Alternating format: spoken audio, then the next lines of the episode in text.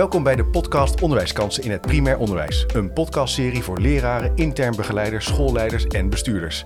In deze podcast komen onderwijsprofessionals en onderzoekers aan het woord over het bestrijden van onderwijsachterstanden met wetenschap als inspiratiebron. Het programma Onderwijskansen is een samenwerking van het Nationaal Regieorgaan Onderwijsonderzoek, de PO-raad, het ministerie van OCMW en verschillende onderwijs- en onderzoeksinstellingen. Voor meer informatie kijk op www.onderwijskansen.eu. Mijn naam is Chip de Jong, leuk dat je luistert. Aan tafel zitten Else Marieke Visser, docent pedagogiek aan de Thomas More Hogeschool en leerkrachtcoach bij de Rotterdamse Vereniging voor Katholiek Onderwijs in Rotterdam. En Michelle Oudshoorn, schoolopleider bij PCBO in Rotterdam. En aan mijn rechterzijde Pauline Muller, senior onderzoeker bij Sardes. Hartelijk welkom, leuk dat jullie er zijn in de uitzending. Dankjewel. We gaan het in deze podcast hebben over onderwijskansen voor het jonge kind en de aspecten die nodig zijn voor een effectieve aanpak. Els Marieke, om even af te trappen, uh, voor de luisteraar die nu denkt, ja, jonge kind, uh, wat is de range? Kan je dat even voor ons afbakenen? Ja, die is ongeveer wel de kleuterleeftijd van 4 tot en met 6 uh, jaar. En ja, er zit ook nog een stukje voorschool bij, maar daar hebben we het vandaag niet uh, nee. over. Nee. Oké, kijk, dan hebben we al even wat, een, een, wat specifiekere doelgroep. En als het woord onderwijskansen, wat is dan het eerste waar jij aan denkt? Uh, nou ja, dat we natuurlijk heel graag gelijke onderwijskansen willen hebben voor kinderen. Uh, maar dat er gewoon een groep kinderen is die, uh, ja, die dat van huis uit niet, niet hebben en niet meekrijgen. En dat ligt vooral ja, hoe ze thuis wonen, hoe, wat het opleidingsniveau van de ouders is. En ja. ja. wat voor taalgebruik er vanuit de ouders naar de kinderen toe is. Ja. En waarom is het nou juist belangrijk voor deze doelgroep, uh, Michelle, om hier iets extra's voor te doen en daar ook goed over na te denken? In de kleuterjaren maken kinderen een enorme sprong door in, in hun ontwikkeling Mhm. en kunnen scholen echt het verschil maken. Als ik uh, naar mijn eigen school kijk, dan um, zijn er veel leerlingen afkomstig uit sociaal-economische ontwikkel- of uh, achterstandsmilieus. Ja. Um, deze kinderen hebben in hun uh, eerste levensjaren toch veel minder aanbod gehad op het gebied van taal en rekenen. Ze zijn bijvoorbeeld uh, veel minder voorgelezen.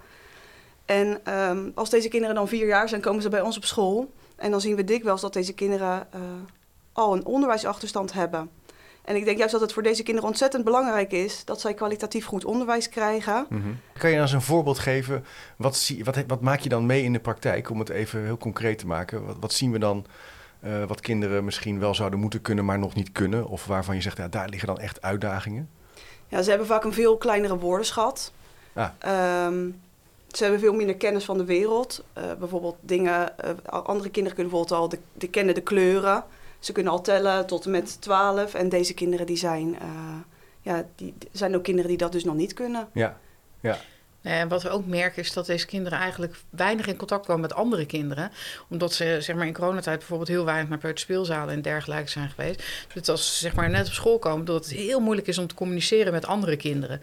Dus dat ze eigenlijk uh, dingen delen, is bij kleuters sowieso natuurlijk al heel moeilijk. Maar Ja. deze kinderen kunnen dat vaak eigenlijk helemaal uh, niet. En ook het stukje communiceren. Uh, ouders zitten veel op hun telefoon en je merkt dat daardoor kinderen in een hele korte zinnen zichzelf overschreven.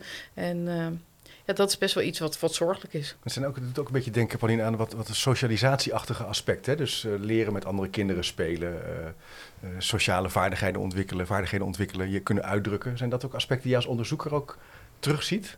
Um, nou ja, in zijn algemeenheid is, is gewoon die kloof die je, die je ziet, uh, waar, waar Els Marieke ook al op doelt, van de, de kloof tussen thuiscultuur en schoolcultuur Ja. uh, is, is ja, de kern van uh, dat risico op achterstand. En uh, dat, dat kan met omgangsvormen te maken hebben. Dat kan, dat kan uh, zelfs met, met humor te maken hebben. De manier waarop uh, naar het belang van onderwijs wordt gekeken. ja, woordenschat is een hele duidelijke, hè, zoals jij zei. Nog, nog even los van thuistaal, als dat anders is. En dat maakt dat, dat als kinderen op school komen... dat dat het veel lastiger voor kinderen is om te snappen van uh, wat gebeurt hier en uh, wat wordt er van mij verwacht. Ja, ja. Uh, ook in de omgang met andere kinderen, daar zie je dat in. Maar ook in hoe, hoe, hoe doe je een opdracht. En dat is heel belangrijk dat leerkrachten zich bewust zijn van, van die grote kloof die er soms is. Ja. Dat is de eerste stap. Nou las ik op de website op onderwijskansen.eu... voor kinderen uit achterstandsgezinnen blijken de effecten van leerkrachtverwachtingen groter dan gemiddeld. Zou je dat mensen kunnen helpen om dat te verklaren? Paulien? Ja, eigenlijk andersom zie je dat ehm, bij, bij uh, kansrijkere gezinnen uh, er veel meer compenserend effect kan zijn vanuit het uh, gezin. Dus als een kind bijvoorbeeld zich heel verlegen voelt op school, nou, dan praat, praten de ouders daarover met de leerkracht, ja. gaan thuis aan de slag met zelfvertrouwen. en als dat allemaal niet lukt, dan is er misschien ook nog een externe deskundige die erbij geroepen wordt. Ja. Om dat kind te helpen om over die verlegenheid heen te komen. Wat je dan ziet in kansarme gezinnen is dat ouders ja, dat het veel moeilijker vinden om daar ondersteuning bij te bieden. Ja, Bijvoorbeeld omdat ouders zichzelf al heel ongemakkelijk hebben gevoeld op school altijd. Of omdat ze zo druk zijn met overleven dat ze ja, daar überhaupt geen aandacht of tijd aan kunnen besteden. Of het netwerk en de middelen niet hebben om een externe deskundige in te roepen. Dus de, compenserende effect is veel kleiner, dus het effect van de leerkracht is veel groter. Het is veel meer de leerkracht die het verschil maakt. Ja, dus de leerkracht kan het verschil maken, Elsmarieke, is heel belangrijk om dat ook te snappen. Het verschil tussen die thuissituatie en die schoolsituatie. Mm Ik moet even denken aan, bijvoorbeeld bij mijn kinderen, ja, op een gegeven moment hebben we, heb ik mijn oudste op scouting gedaan. Ik dacht, dat is goed voor hem, hè. dan leert hij een beetje voor zich opkomen, lekker dingen maken, weet je wel. Maar ja, dat moet je wel kunnen, kunnen doordenken, kunnen, kunnen organiseren. Je moet het ook kunnen betalen uiteindelijk. Dus dat zijn allemaal tal van dingen die meekomen. En als je dat dus allemaal niet doet, heb je het kans dat er dus een wat groter gat komt als je voor het eerst naar school gaat. Ja. Um, hoe ver kunnen we daar nou in gaan, denk je, uh, als school? Van, uh, uh, om die kinderen dus weer ja, op, het, op het juiste niveau te krijgen? Misschien niet helemaal het goede woord niveau, maar toch om, om ze te ondersteunen om weer om goed mee te komen? Ja, ik weet eh, percentueel zou ik dat bijvoorbeeld niet weten. Maar ik denk dat je eigenlijk altijd ervan uit moet gaan dat, hè, dat ieder kind de mogelijkheden heeft. En dat je daar constant in blijft investeren. Mm -hmm. wordt ook heel vaak gezegd: ja, maar onze doelgroep kan het niet. Of nou, zullen we dat nou wat doen? Want ja, dat is misschien te moeilijk. En ik denk: nee, je moet juist die hoge verwachtingen hebben. Juist zorgen ja. dat ze zoveel mogelijk informatie hebben. Maar het is ook wel belangrijk dat je realiseert wat die uh, situatie is. Kijk, als je begint over een kinderboerderij, daar is de helft van Rotterdam nog nooit van zijn leven geweest, bij wijze van. Um, dan moet je wel de context voor de kinderen uh, scheppen en, en laten zien en, en dat duidelijk maken. En wat heel vaak gebeurt, is, is dat zo'n onderwerp eigenlijk hup direct aangedragen wordt. En dat er vanuit gegaan wordt dat een kind dat eigenlijk wel kent. Ja. Maar dat mentale uh, plakband, klittenband, zo noemt Kiersen het volgens mij ook altijd. Ja. Dat hebben die kinderen nog niet. Dus we moeten heel nee. erg nadenken over welke informatie is er aanwezig en waar kun je het aan, uh, kun je het aan ophangen. En ik denk dat je dan heel ver uit kunt breiden. En ja, kinderen juist heel leergierig kunt maken met mooie termen. En, uh, en zeggen, ja, het is wel heel moeilijk hoor, maar mm -hmm. zullen we er toch mee aan de slag gaan? En dan zie je ook die leergierigheid en die ogen gaan twinkelen van, oh, ja. we gaan iets heel moeilijks doen, juf. Maar zie jij dus ook, zie jij ook wel eens kinderen uh, die binnen de, de, deze doelgroep vallen die van zichzelf denken, ja, dat ga ik dus nooit kunnen of zo. Dat 100 woord is te ingewikkeld of breuken. Nou, ik ben gewoon niet goed in rekenen. Nee, nee, nee ja. Hoe weet zit je, dat dan? Ik denk dat je altijd aan kleuters heel erg duidelijk kunt maken in de speelse situatie van, uh, inderdaad, nee, ik, noem, ik noem bijvoorbeeld van breuken. Dan zei ik tegen kinderen, oh, we gaan spannend doen. Uh, we gaan uh, een appel door de helft doen. Dat is ook al breuken. Je ze kijken, oh. Ik zeg, en dat doet je broer in groep 6 ook hoor, maar dit kunnen wij ook. En ja, ik denk niet dat ik tuurlijk zeggen kinderen in eerste instantie, dat kan ik niet. Dan zitten ze in een mindset. Ja. En, uh, maar ik denk dat het de taak aan jou als leerkracht is, om dat juist bij kinderen ja. duidelijk te maken dat ze alles, uh, dat ze wel alles kunnen als ze willen. Ja, Paulien? Ja, ik denk aanvullend dat je dan ook ziet het belang juist van die, die jonge kindperiode. Want als je dat in die tijd niet doet, dan zie je dus inderdaad wel in de groepen 6, 7, 8 dat kinderen achterover gaan zitten en ik kan het niet. Ja. Hè? Dus, Ja. dus juist in die hele jonge jaren moet je wel uh, dat, dat zelfvertrouwen uh, met ze, met ze creëren. Ja. Door ze context te bieden. Dat is wat je eigenlijk aangeeft in je voorbeelden. Hè? Ja. Mooi. Succeservaringen, context bieden, maar ook hoge verwachtingen. En het ook speels organiseren. Hè? Dus dat is ook een punt wat je. Hè? Dus zo'n appel heeft ook iets wat een beetje aantrekkelijk en, en uh, verleidelijk maken om te leren. Ja. Nou ja, en dan gewoon veel lol maken, weet je wat? Ook dat, ja. dat maakt het voor kinderen natuurlijk ook leuk. Als, ja. het, als het gewoon, weet je wel, als je eindeloos met, met tien dopjes moet oefenen uh, om, te, om aanwijzend tellen te leren, ja, dan is het niet interessant. Maar nee. als je naar het bos gaat en je gaat de tien bomen tellen of je gaat tien auto's tellen die langskomen, is het toch veel interessanter als je in de levenswereld van het kind gaat zitten. Ja, dus er kan heel veel hè, met, met Ja. om je heen. En, Ja. hey, en Michelle, een van de aspecten die ik ook las eh, voor die effectieve aanpak is een ervaren en responsieve leerkracht. Dat vond ik wel een responsieve leerkracht, even als woord, met hoge verwachtingen voor alle kinderen. Zou je eens een voorbeeld kunnen geven eh, hoe je dat dan doet en hoe dat in de praktijk eruit ziet? Wat is dan een responsieve leerkracht? Ehm, nou, ik denk dat, ehm, dat het inderdaad heel erg belangrijk is om hoge verwachtingen van de leerlingen te hebben. Dat heeft een positief effect op de leerprestaties. Ja. Ehm, als ik naar mijn eigen praktijk kijk, gebruik- maken wij veel gebruik van de Teach Like a Champion technieken. Ehm, wij eisen bijvoorbeeld altijd 100% van onze leerlingen.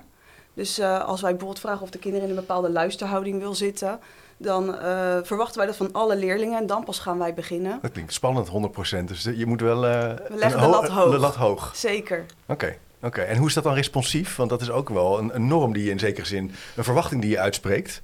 En responsiviteit gaat over hoe je dat dan bereikt met die, met die groep. Ja, ik denk dat het heel eh, fijn is dat je je verwachtingen naar de kinderen duidelijk uitspreekt en veel contact maakt met de kinderen. Je gebruikt eh, de radar, dus je maakt veel oogcontact met de kinderen. Ja. Ehm, nou, ook als kinderen antwoord geven, dan eh, maken wij gebruik van de formulering telt. Dus we willen graag dat kinderen antwoord geven in een hele zin. Hè, we stellen heel veel vragen gedurende de dag. Ehm, en kinderen zijn dan vaak geneigd om kort antwoord te geven. Dus bijvoorbeeld je- ze geven antwoord met eh, rood of zes. En wij dagen kinderen dan uit om antwoord te geven in hele zinnen. Ehm, en dat kunnen jonge kinderen ook echt heel erg goed. Eh, dat is een kwestie van heel veel oefenen, voordoen, feedback geven. En eh, ik was laatst in een klas en daar stond dat ook hoog in het vaandel. En dan zie je dat je door het heel veel te doen, heel veel te oefenen, dat kinderen het uiteindelijk uit zichzelf al gaan doen. Heel interessant. Ik druk even op het belletje, omdat ik het wel een interessant thema vind, die vo- in volledige zinnen antwoorden, Paulien. Dus uitgebreid formuleren. Waarom, is dat, waarom moet je daarop letten? Ehm, nou ja, dat, dat zijn ook weer. eh, het begint weer met die hoge verwachtingen, zoals Michelle ook aangaf. Van een kind kan dat. Ja. En ehm, ehm, iets wat je vooral niet moet doen, is eh, het taal simpel gaan maken. Dus dat doe je niet zelf als leerkracht. Je gaat niet in eh, korte staccato zinnetjes praten. En omgekeerd verwacht je dat ook van de leerlingen. Want wat het allerbelangrijkste is, is dat je die kinderen zelf tot taalproductie brengt. Eh, en zelf taal produceren, dat is ook zo'n aspect waarop je ziet dat eh, kinderen met risico op achterstand eh, daar minder ervaring mee hebben, dat minder doen. Ouders zelf thuis ook minder taal gebruiken. Dus juist bij deze kinderen ga je dat op de groep heel bewust stimuleren. Zorgen dat zij gewoon in volzinnen kunnen praten. Ja, maar dat betekent dus ook inderdaad niet, niet die... Ja, soms dat doen ouders natuurlijk ook wel. Dat doe, heb ik, dat doe ik ook bij mijn kinderen. Dat je een beetje toch anders gaat praten als je naar je kinderen eh, ze iets gaat uitleggen. En jij zegt, jij zegt eigenlijk het belangrijk dat je in volle zinnen blijft praten. Dat je uitgebreid blijft praten. Want dat is eigenlijk heel belangrijk voor, voor hun ook om te leren om ook zo te antwoorden. En dan zo ontstaat die taalproductie, zoals Paulien dat dan eh, omschrijft. Ja, en ook zeker de taal niet eh, versimpelen, maar juist hele rijke woorden toevoegen. En ehm, we zijn ook op dit moment bezig om te kijken hoe we onze thema's kennisrijker kunnen maken. Ja. Ehm, ehm, juist Leuk. om niet alleen maar het eh, te, te houden bij simpele thema's zoals de herfst of wonen, maar ook eens een ander thema eraan toe te voegen van de Noordzee of ehm, Ja. Rijke, rijke teksten, rijke taal. rijke teksten, rijke taal. En niet je laten verleiden om het te versimpelen, Elsmarieke. Nee, je, je kijkt ook nee, een beetje nee, zo van... zeker niet. Je bent zeker helemaal mee eens volgens Nee, mij. ik word helemaal ibelig als ik inderdaad een, Ja? eh, een kleuterjuf in allerlei verkleinwoordjes hoor praten en, eh, en doen. Dat ik denk, ach, nee, dat is, dat is helemaal niet nodig. Je Nee. kunt gewoon echt in normale taal met kinderen eh, praten. En nog even op die responsieve leerkracht terugkomen. ja, graag. Want daar, daar, dat vroeg je ook nog expliciet naar. Ehm, dat zit heel erg in die basisbehoeften van, van Stevens. Hè? Dus heel erg in die... Moet je eh, even uitleggen. ehm, ja, de basisbehoeften van Stevens. Ehm, nee, het zijn relatie, autonomie, eh, autonomie en competentie. Hè, je gaat het relatie aan met het kind. Dus dan ga je kijken van, ja, weet je wel, wat, wat voelen we voor elkaar? En ehm, ja, je, je creëert een band. Die creëer je trouwens heel makkelijk met kleuters. Want je bent altijd tegelijk de juf, hè? Ja. Je zorgt dat ze competent zijn. Dus dat ze eigenlijk altijd dingen aan het doen zijn... ehm, waarvan, die ze ook kunnen. Hè? Dus dat je in die zone van de naaste ontwikkeling van, eh van Vygotsky gaat zitten. Zodat je gaat kijken van, ja, wat, wat kunnen ze? Ja, ik en ga toch is- even, even drukken hoor. De Ja. Vygotsky naast de ontwikkeling. Ja, ik heb het ooit wel eens een keer gehoord. Dus maar toch even voor de luisteraar. Paulien, ik zet je een beetje voor het blok. Maar eh, die naaste ontwikkeling, wil jij er eens even op... Hmm. Ik wil het ook wel doen. Oh, jij mag het ook doen. Misschien Paulien, eh, zou je een start kunnen maken? Eh, nou ja, dat, dat is inderdaad dat, dat je kinderen eigenlijk elke keer uitdaagt om net dat volgende stapje in de ontwikkeling te zetten. Dus even out of the comfort zone. Ja, precies. Eh, hoge verwachtingen stellen en, en ze aanreiken van wat is nou uh, de volgende stap om te zetten. Ik was vorige week op een groep en daar waren ze met de basisemoties bezig. Dat ging hartstikke goed. Uh, en die leerkrachten die daagden uit om, om, nieuwe emoties te benoemen die voor kleuters moeilijk zijn, maar verlegenheid, nieuwsgierigheid. Ja, precies. Om samen die volgende stap te zetten. Mooi, ook mooie woorden hè, om ook te gebruiken. Nieuwsgierigheid, verlegenheid. Dus eigenlijk, je, je kunt iets, je, je leert iets en, en meteen ga je, Elsmarieke, al nou ja, een beetje vergroten. Altijd naar het volgende stapje volgende kijken, wat, er, wat er boven hangt. En, dan, en ik moet zeggen, dat heeft bij mij, en dat kost bij iedere kleuterleraar, uh, docent heel veel tijd om dat in de vingers te krijgen. Want je moet zicht krijgen op de leerlijnen van kleuters. Je moet altijd weten wat is de volgende uh, stap. En dat is, dat is echt niet makkelijk. Daar, Nou ja, daar heb ik echt heel veel jaar over gedaan. Voordat ik echt precies snapte welke stap er, uh, erna kwam. Dus echt wel in je vingers krijgen. Herken je dat, Michel? Want je hebt natuurlijk ook lang voor de, voor de klas staan. Dat, je, dat vraagt gewoon vlieguren maken. Ja, klopt. Klopt dat wel? Ik denk dat dat inderdaad een kwestie is van een aantal jaar dezelfde groep draaien. Uh, het is ook heel erg fijn als je een ervaren collega hebt die je uh, kan helpen van hoe kan je dat nou, uh, hoe kan je dat nou handig doen. Ja. En het is fijn dat je zo kennis met elkaar kan uitwisselen, bij iemand anders in de groep kijken. Ja. Hoe die een rijke leeromgeving inricht bijvoorbeeld. Of hoe die een kleine kring leerkracht gestuurd Maar dan raak je wel een belangrijk punt. Dit doe je dus niet alleen. Hè? Je hebt echt collega's daarbij nodig. Reflectie, bij elkaar kijken, van elkaar leren om die hoge verwachtingen goed te zien en om, om ja, maximaal eigenlijk aanbod te ontwikkelen. Om ervoor te zorgen dat ze zich sterk ontwikkelen. Het is fijn als, als je een beginnende leerkracht bent dat je inderdaad uh, coaching of begeleiding krijgt ja. om daar ja, steeds meer kennis en vaardigheden om die, die, verder te ontwikkelen. Belangrijk punt. Hey, en Paulien, um, nou gaat het ook wel, ja, met name bij de kleuters of bij jonge kinderen ook wel over spel. Hè? Spelend ontwikkelen, spelend leren. Mm -hmm. Zou je dat eens, wat kan je nou, hoe, hoe kan je spelaanbod inzetten om die uh, versterking te bereiken voor deze doelgroep? Ja, nou ja, wat voor deze doelgroep nog belangrijker is dan voor alle kleuters, is dat je een, een logisch geheel aan aanbod neerzet. Uh, wat, wat aan alle kanten in elkaar grijpt. En ook dat iets, is iets wat je echt leert door ervaring. Uh, maar nou, we hebben het al over het belang van de inrichting en hm. uitdagende materialen gehad. Uh, we hebben het al gehad over het feit dat het belangrijk is om uh, leerkrachtgestuurde activiteiten neer te zetten op taal. Hè, zoals dat voorlezen, interactief voorlezen. Maar ook nou ja, raadspelletjes, toverspelletjes. Liefst in kleine kringen in plaats van in de grote kring. En vervolgens... Kan je dat eens uitleggen? Waarom uh, grote kring, kleine kring? Uh, nou, dan komt weer die taalproductie om de hoek kijken. Uh, en sowieso het feit dat het voor kinderen makkelijker is om zich te, te, concentreren in een klein groepje. En dat je daar ook veel beter op kan inspelen als leerkracht. Dus als je het even kan organiseren, dan is het voor kinderen effectief om in die kleine kring leerkrachtgestuurde activiteiten te doen. Hm. En dan komt vervolgens dat spel om de hoek kijken. Um, kinderen kunnen dan vervolgens in de hoeken weer aan de slag met uh, de woorden en de concepten die je al hebt aangereikt. Ja, ja. Je zorgt dat de materialen daar zijn. Uh, nou ja, herfst of Noordzee maakt niet uit, maar je zorgt dat materialen daar zijn, dat er hoeken zijn waarin ze verder kunnen. En daar kan jij als leerkracht dan af en toe bij aansluiten om het spel weer even een stapje verder te helpen.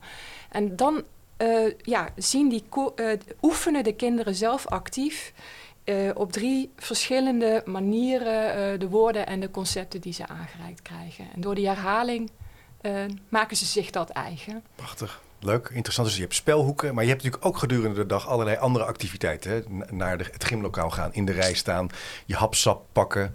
Hoe kan je, kan je daar ook wat mee als uh, leerkracht? Of Elsmarieke, of ga ik nou uh, Ja, het was wel een mooie... We hadden daar vorig aan, aan de podcast al een mooie discussie over. Van, uh, maak je daar een routine van of maak je daar een, een leermoment van? En we, we waren er eigenlijk wel uit dat er in allebei, voor allebei wat te zeggen was.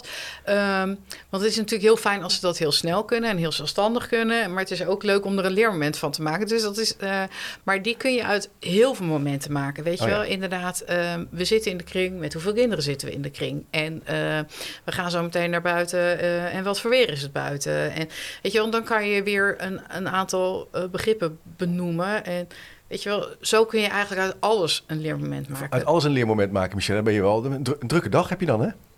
Ja, nee, dat klopt. maar, dus je bent constant aan het zoeken van uh, in de kring staan, uh, omkleden, aankleden, naar buiten gaan, naar binnen, jas aan. Kan je ook met, met de jas aan uh, iets doen? Of schoenen uittrappen voordat je naar binnen komt als je in het speelbos hebt gespeeld? Ja, zeker. Ja, op de school waar ik werk hebben we juist ma maken we van veel procedures een routine. Dus de kinderen zijn daar uh, gewend uh, om heel snel hun jas te halen, zodat er weer meer tijd overblijft uh, voor werken en spelen en de kring. Maar je kan er natuurlijk ook voor kiezen om te kijken van, ehm, nou, wie, welke kleur kleding heb je aan? En ga nou eens ja. je, die, je, jas halen bijvoorbeeld. Of we gaan twee aan twee in de rij. We, we, we, vertellen, we tellen verkort twee, vier, zes. Hoeveel ja. kinderen zijn we? Ja. Leuk. Ja, en ik denk dat, dat je ook niet moet vergeten dat kinderen eigenlijk elkaar ook zoveel leren. Weet je, jij speelt bijvoorbeeld mee in de pophoek en je zegt, nou jongens, ik uh, kom zo meteen op visite. Dus jullie zijn met z'n vieren, er komt er eentje bij. Ga ze bedenken hoeveel dat er zijn. dan gaat een andere kleuter gaat de tafel dekken en telt. En die zegt, uh, nou, uh, we zijn met z'n vijven.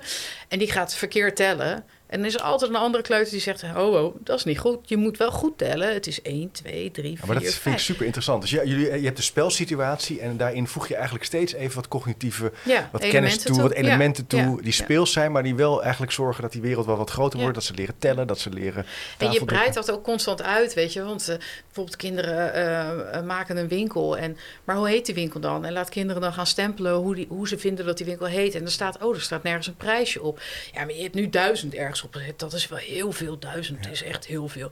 Maar wat is, dan, wat is dan de normale prijs? Weet je, wat kost iets dan? En zo ga je constant met kinderen in gesprek en breid je in het spel eigenlijk hun kennis uit. Interessant. Ik wil graag naar een, eh, naar een nieuw thema gaan. Ik wil zo wat meer willen inzoomen op maatwerk en onderwijstijd. En dan ga ik even een stukje van de website uh, citeren. Leerkrachten vragen zich af hoe ze groepjes het beste kunnen samenstellen. Kinderen van gelijke sterkte bij elkaar, homogeen, of kinderen van verschillende sterktes bij elkaar. Dat heet dan ook wel heterogeen. Voor achterstandsleerlingen geldt dat zij meer leren van heterogene groepjes. Waarschijnlijk omdat zij van een beter presterende groepsgenootjes kunnen leren. Paulien, is dat uh, achterstand is natuurlijk niet, is niet echt een fijn woord, maar toch heterogeen. Daar moet je dus bewust over nadenken. Ja, daar moet je zeker bewust over nadenken. Want als je dat aan het toeval overlaat, dan uh, zie je zelfs al bij kleuters toch dat soort zoekt soort. Oh ja? hè? Uh, kinderen voelen zich comfortabel bij een kindje wat bijvoorbeeld dezelfde taal spreekt. Ja, of en een vriendje. Gaan of, ja, precies. Ja, ja. Uh, dus je kan daar zeker uh, ja, mee spelen en, en daardoor ook kinderen, juist kinderen met dat risico op achterstand, recht doen. Uh, tegelijk is het dan wel belangrijk om, om even nog één stap verder te denken dan ik zet ze bij elkaar in een groepje en dan, uh, dan is dat uh, goed voor, uh, voor het kindje met dat risico op achterstand. Ja. Je zal dan ook even heel actief uh, moeten kijken van, gaat dat goed, hè? bijvoorbeeld in het rollenspel, of moet ik dat kind even daarin helpen en begeleiden? Want anders is alsnog het risico dat zo'n kindje aan de zijkant zit te kijken en dat de rest het overneemt en ja. heel actief. Hè? Dus als ze bijvoorbeeld samen dierentuin spelen, dan kijk je even met een kindje wat anderstalig is mee van... Uh, kent hij ook de namen van de dieren? Weet hij hoe ze klinken? Uh, of je geeft hem expliciet een rol van... goh, jij bent degene die de bewaker is van uh, de krokodillen en de leeuwen. Je speelt even mee en als je ziet van... hé, hey, dat komt op gang... dan kan dat enorm effectief zijn voor zo'n kind. Ja, Mooi, dus het... belangrijk, maar wel het is niet genoeg om gewoon de groepjes heterogeen samen te stellen. Hè? Michel, je moet wel even dan weer volgens weer gaan nadenken, wat gaan we daarin toevoegen? Hoe kan ik het begeleiden? Ja, hoe, hoe, hoe, hoe uh, wat zijn tip, trucs en tips die jij zou willen geven om dat, uh, om dat te doen? Um, ik denk dat wij niet uh, met één format werken. Ik denk dat wij de afwisselen, dat wij en uh, heterogene samenstellingen werken en met homogene samenstellingen. Ja, ja. Uh, kinderen kunnen bijvoorbeeld iets aan elkaar uitleggen. Daar leren uh, sterke kinderen leren daar veel van. En de zwakkere kinderen die pikken daar weer veel van op. Hè. Dus die sociale interactie. Um, maar als wij bijvoorbeeld ook met kleine kringen werken, dan werken wij weer ook vaak met homogene samenstellingen. Dat we het tempo kunnen aanpassen. Dat we uh, andere materialen kunnen inzetten. Dat we weer uh, kunnen verrijken en verdiepen. Mm -hmm. En uh, andere kinderen kunnen uitdagen. Dus ik denk dat het heel erg belangrijk is dat je daarmee speelt als leerkracht. Ja, je moet het dus eigenlijk ja, mee spelen. Dat, is wel een, dat past ook wel bij, bij spelend leren. Dat je dat dus ook de bekwaamheid hebt om er goed naar te kijken. Um, ja, er is natuurlijk ontzettend veel om te bespreken. En we hebben een heel mooi draaiboek. Ik ga even door naar, naar een volgend thema met jullie, met jullie toestemming. Want uh, we hebben het ook wel eens over. Uh, in het stuk uh, gaat het ook over educatief partnerschap. Um, en dat gaat bijvoorbeeld samenwerken met de kinderopvang, Pauline. Kan, kan, je er iets meer over zeggen? Wat bedoelen we nou met educatief partnerschap Ja. hierin? Ehm, educatief partnerschap. Nou, eh, je wil educatief partner zijn als onderwijs met eh, die kinderopvang, met zorg, met ouders. Eh, Ja. Je wil eh, met al die partijen samen zorgen dat dat kind het aanbod krijgt wat het nodig heeft om zijn potentieel optimaal te benutten. Ehm, en dat ja, begint inderdaad met dat kinderopvang en onderwijs eigenlijk samen gewoon een hoogkwalitatief aanbod moeten kunnen neerzetten voor deze kinderen. In ieder geval van twee tot zes jaar, hè, als we ons nou even op deze Mhm. leeftijdsgroep eh, richten. Ehm, dat kinderopvang eh, heel goed overdraagt hoe zij eh, met het kind en vooral ook met de ouders hebben samengewerkt. in de tijd dat het kind, deze kinderen zitten vaak op, op de voorschoolse voorziening. Dus, dus hoe hebben ze daar samengewerkt en hoe, hoe was dat kindje daar? Dat het onderwijs dat goed hoort, meeneemt en vervolgens ook met die ouders eh, eh, ja, goede afspraken maakt over hoe kunnen wij samen, Ja. jullie en wij samen zorgen dat dat kind eh, zich verder kan ontwikkelen en dat daar geen breuk in zit. Nee, dus een doorgaande lijn. En eh, ik moet ook even denken aan het woord warme overdracht. Els Marieke, het is natuurlijk wel een beetje flauw, maar dat, daar gaat het wel over. Maar Ja. dit kost wel, het lijkt me ook wel tijd kosten. Dat moet je wel Nou, echt organiseren. Vaak hebben de, eh, de, de kinderopvangorganisaties eigenlijk meestal ook al een leerlingvolgsysteem wat ze meegeven eh, met kinderen, waarin Hm. eigenlijk duidelijk wordt van joh, hoe functioneren ze. En eigenlijk ja, ik vind het wel lastig, want ik, ik merk op school waar ik toen een tijd werkte, eh, hadden we dat zeg maar. En eh, ja, als ik me dan heel erg zorgen maakte over een kind, nam ik wel contact op zeg maar. Maar het is niet zo dat eh, ja, dat, dat standaard, Nee. dat, dat standaard gebeurt. Het vraagt Dus wel organisatiekracht, denk ik, om het... nou ja, ik denk tegenwoordig heb je natuurlijk veel IKC's en Ja, eh, zijn er natuurlijk veel meer. In de afgelopen jaren is dat natuurlijk veel meer gegroeid, dat, dat die doorlopende lijn eh, beter is geworden. En aan de andere kant zie je met corona juist weer dat kinderen juist weer helemaal niet in dit soort opvangsituaties gekomen zijn. En ehm, ja, dus dan is het juist weer helemaal niet. eh, niet ja. heb je die informatie helemaal niet en komen de kinderen direct van thuis Ja, eigenlijk. eh. dus Ja. het varieert nog wel wel. Ja. En aanvullend, ja. wat dan een risico is, wat we veel overal in de landen zien, is dat eh, deze kinderen een beetje uit beeld verdwijnen op het moment, moment dat ze in het onderwijs komen. In de zin van Mhm. dat niet scherp is voor de school dat dit een kind is met risico op achterstand. Hè, dus als je, als je die mooie warme overdracht niet hebt, dan, eh, ja, dan kan zo'n kind onzichtbaar worden op school. Zeker versterkt door corona. Een, een tijd waarin gewoon heel weinig contact met Ja. ouders was. En, en ouders vaak nu ook nog weer niet terug in de scholen komen. Ouders zijn heel lang uit de scholen geweest. En op veel plekken is dat ook zo gebleven tot nu toe. Ja, ja. Eh, en dan heb je het risico dat zo'n kind wel lekker meehobbelt. Want hè, het kan dat het kind zich prima wel ontwikkelt en, en, en geen eh, problemen veroorzaakt. Nee, maar eigenlijk zit er meer potentie in dan eruit komt. Ja, Michelle, ik zie jou ja knikken. Herken je dat? Dat, dat, dat iemand, dat zo'n leerling dus eigenlijk gewoon een beetje doorhobbelt. Hoe, hoe, hoe kan je dat tegengaan als school? Eh, ja, dus ik had het even over die organisatiekracht. hè. Je moet het dus wel verankeren in je, in je, in je dagelijkse routines, in je teamoverleg. Daar zit ik aan te denken. Of... Ja, ik denk dat het ook heel belangrijk is dat je korte lijnen hebt. Korte lijnen Ja, met inderdaad de voorschool. Dat je vaker Ja. met elkaar thema's voorbereidt. Dat je misschien ook eens eh, bij elkaar gaat kijken van wat doen jullie, wat doen wij? Kunnen we van elkaar leren?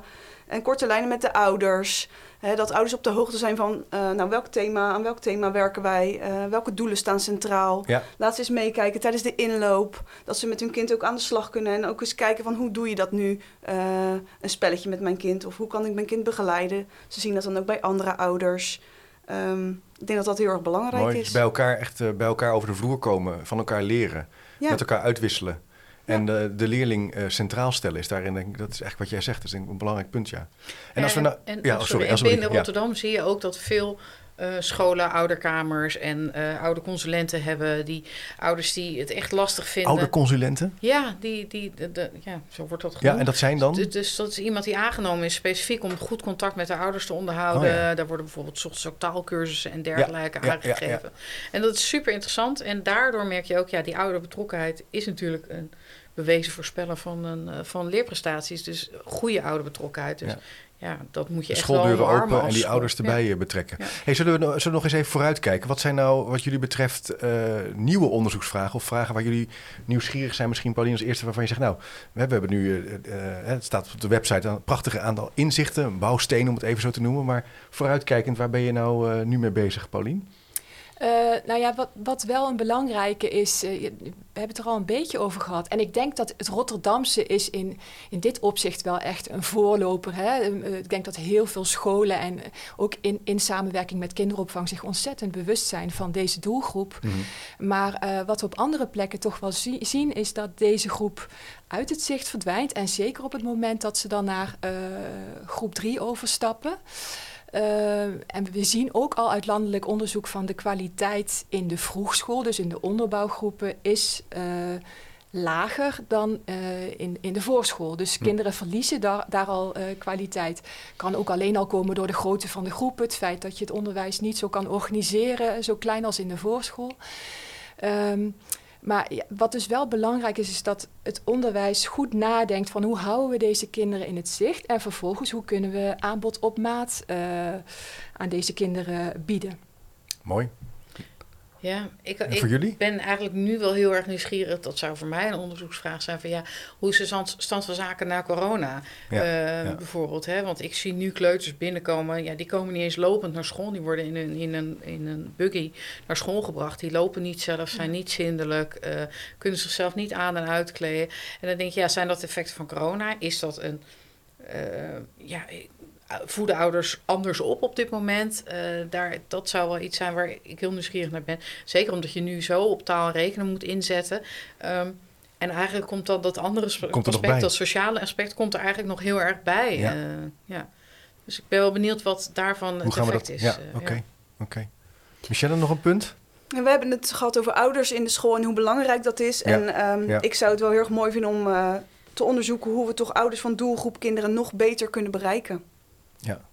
Ja, maar dat is niet, niet altijd makkelijk, hè? Om nee, te we zien vaak wel dat er inderdaad een lage opkomst is bij een koffieochtend. Ja. Of uh, ja. dat ze toch bij een uh, gesprek uh, er niet altijd aanwezig zijn. Dus wat zijn dan interventies om het wel te doen slagen? Ja, hoe kunnen we nog, ouders nog beter betrekken en zorgen dat die opkomst hoger is? Focus op taal dus dat, oh, en op woordenschat. Laten we dat maar even meteen bij de kop pakken als laatste thema. Waarom is dat dan zo'n belangrijk thema? Nou, juist omdat kinderen uh, in hun eerste levensjaren toch uh, minder aanbod krijgen op het gebied van taal en rekenen. En vaak met een lagere woordenschat beginnen aan, hun onderwijs, uh, aan het onderwijs. Is het belangrijk dat deze kinderen veel aanbod krijgen op het gebied van ja, kennis van de wereld, woordenschat uitbreiden. Um, omdat ze het van huis uit niet meekrijgen. Ja des te belangrijker dus daar op in te zetten, Elsbrieke? Ja, sowieso. En ik denk inderdaad dat je, dat je ook ouders tips en tricks moet leren. Uh, hè, hoe ze daarmee om kunnen gaan. Dus inderdaad, laat weten hoe ze naar de bibliotheek kunnen. Hoe ze boeken kunnen voorlezen. Uh, hoe ze inderdaad gebruik kunnen maken van een digitaal prentenboek.